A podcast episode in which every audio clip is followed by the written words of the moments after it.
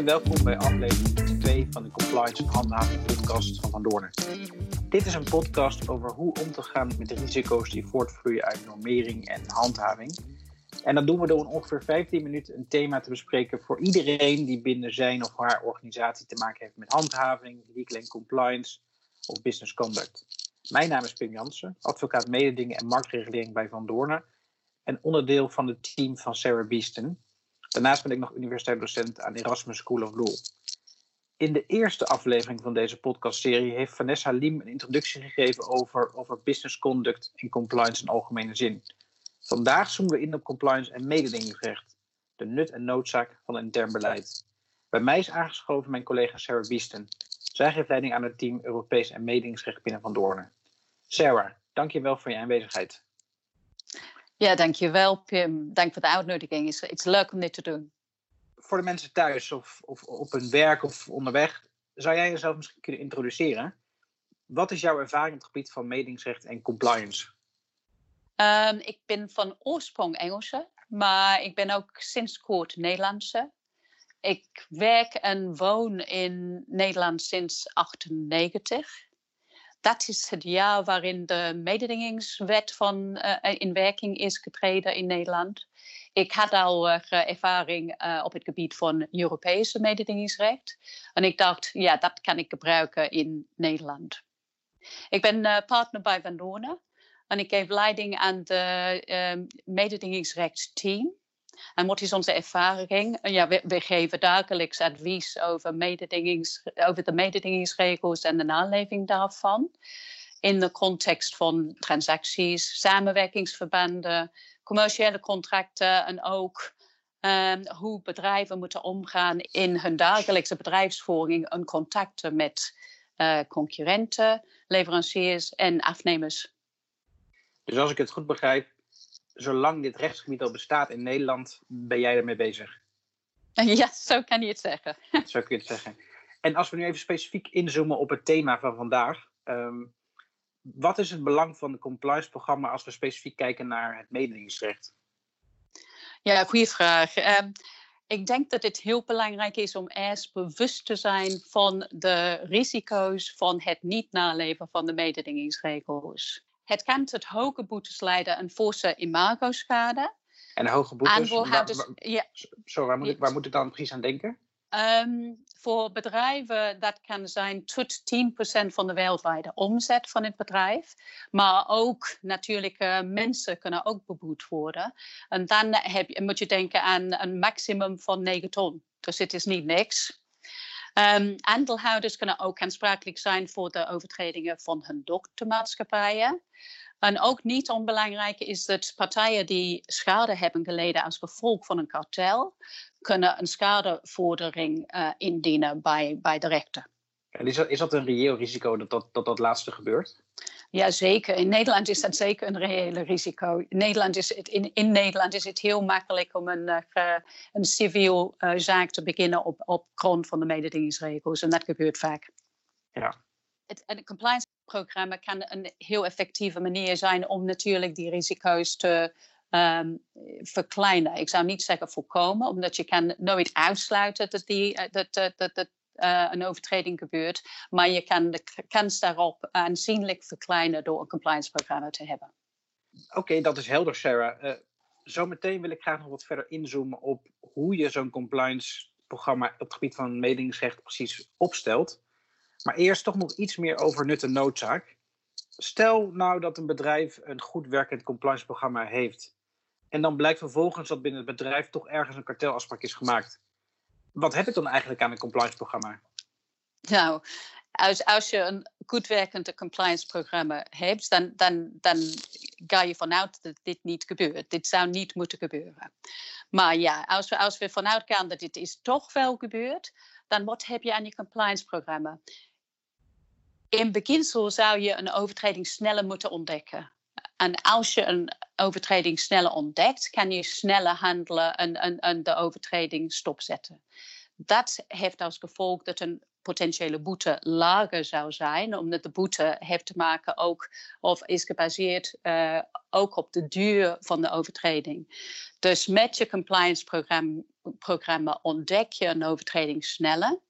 Je stopt dit sneller en je kan ook overwegen om een clementieverzoek in te dienen bij de autoriteit Consumentenmarkt.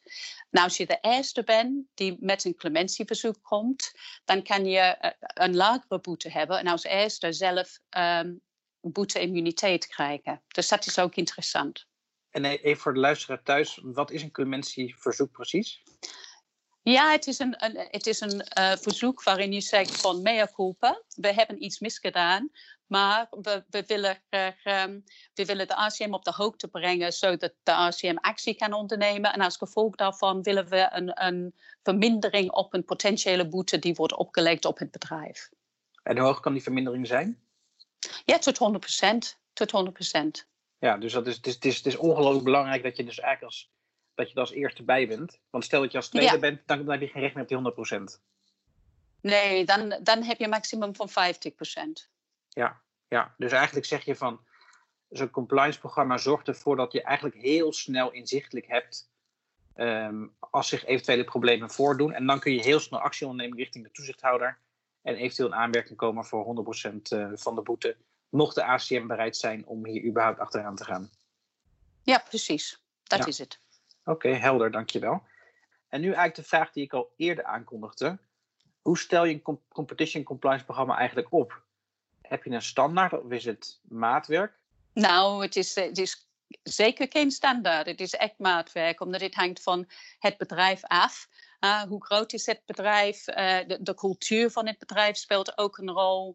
Um, en ja, welke producten verkoopt het bedrijf of diensten levert het bedrijf? Dat is allemaal uh, belangrijk, omdat dat um, heeft invloed op de risico's die het bedrijf loopt ook. Stel bijvoorbeeld, ik ben een bedrijfsjurist bij een brancheorganisatie voor, ik zeg maar wat, fietsproducenten. En ik heb vorige week naar de podcast van Vanessa geluisterd. En ik besef me dat ik nog geen goed compliance programma op poot heb staan. Waar begin ik dan mee?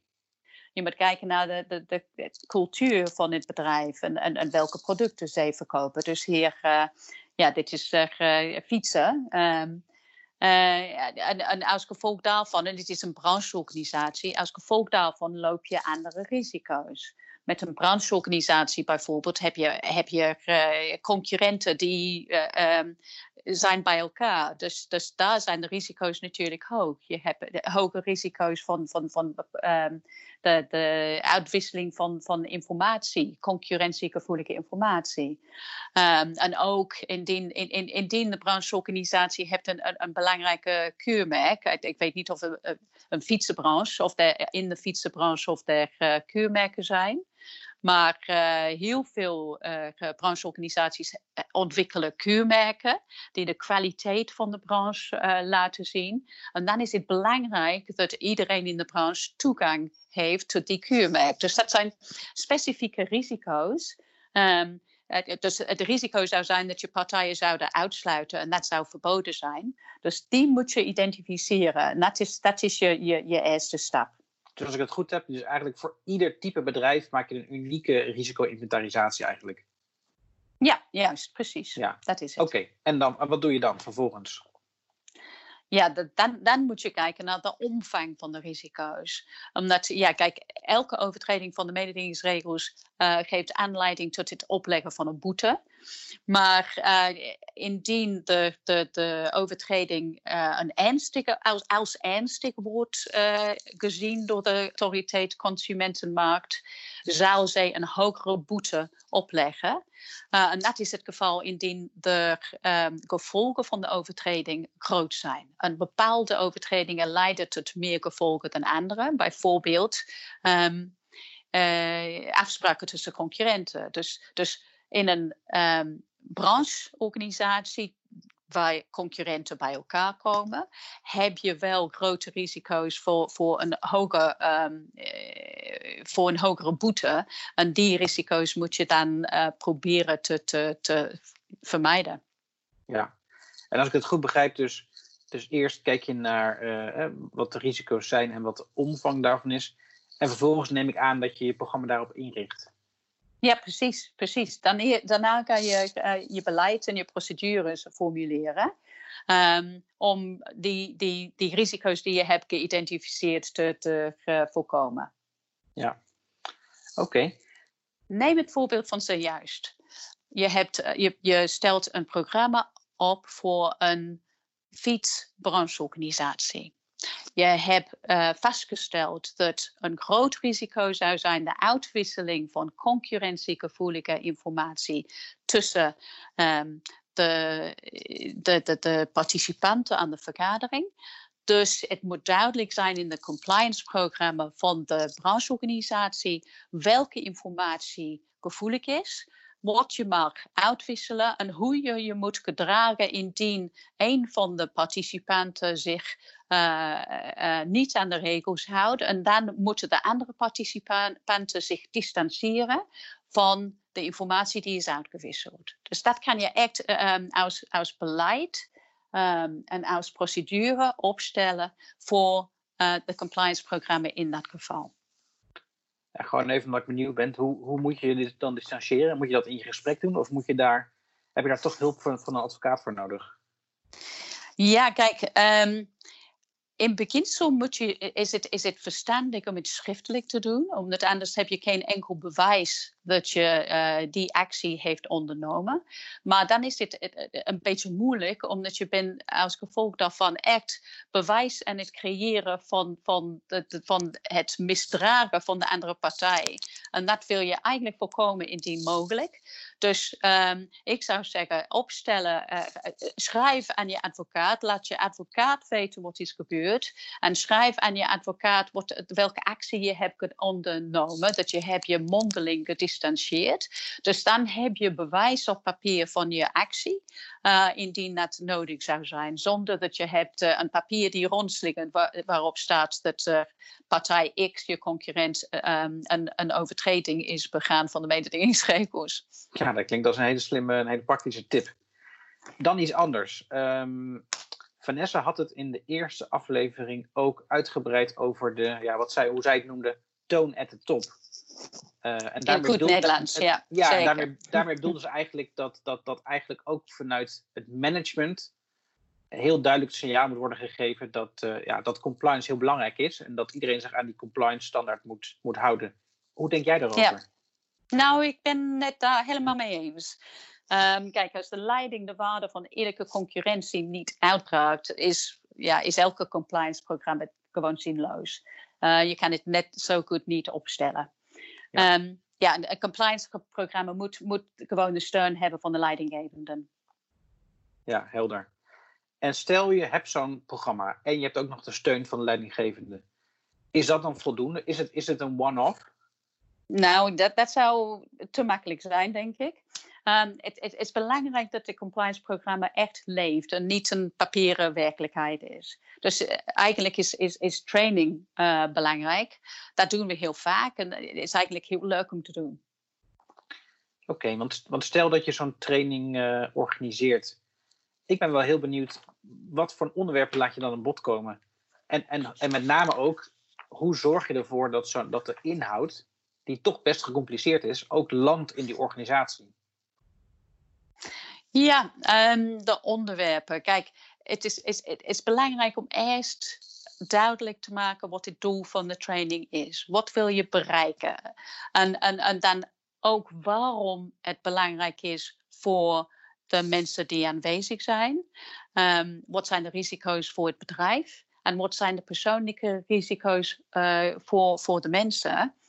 Um, dat spreekt mensen aan heel vaak do's en don'ts heel praktisch belangrijk. Dan begrijpen ze en ook, ook uh, toegespitst op het bedrijf zelf en op de, de situaties um, die de, de, de medewerkers dagelijks uh, tegenkomen. Dat, dat is ook belangrijk. En um, heel vaak sluit ik af met um, een. een een sessie over een inval door de toezichthouder of de autoriteit Consumentenmarkt of de, Europese Commissie. Dat is heel levend. Um, mensen het is een vragen- en antwoordsessie. En het is het voorbereiden op worst case scenario. Je hoopt dat dat nooit gaat gebeuren, maar indien het gebeurt, ben je goed voorbereid.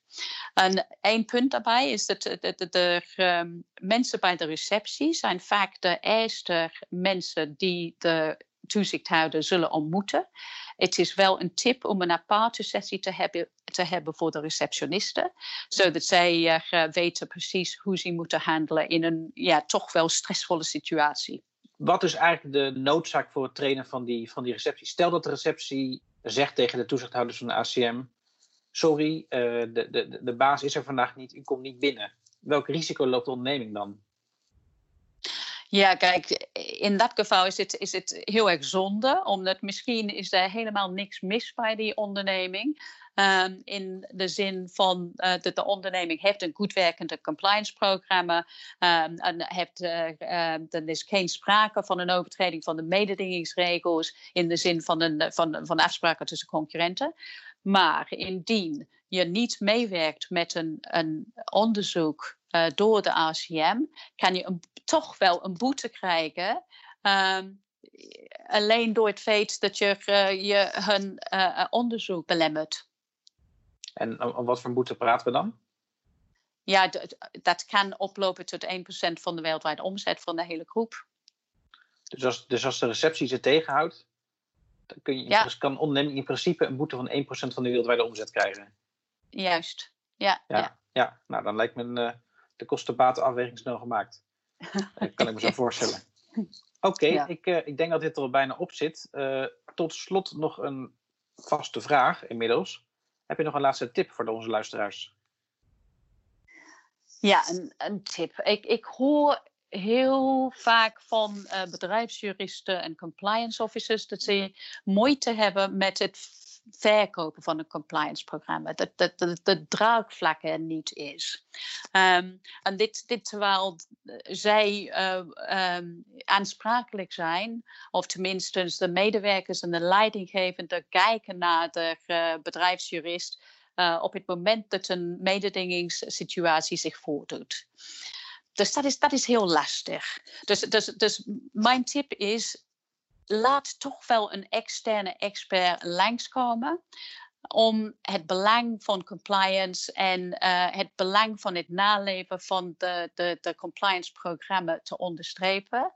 Uh, een expert kan tegelijkertijd ook ja, lastige vragen en, en, en praktische vragen beantwoorden.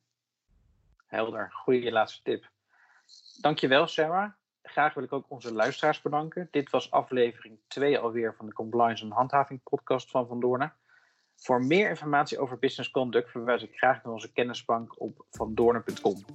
En graag tot de volgende keer, want dan spreek ik met mijn collega Rutgers en Ham over Health Safety en BRZO.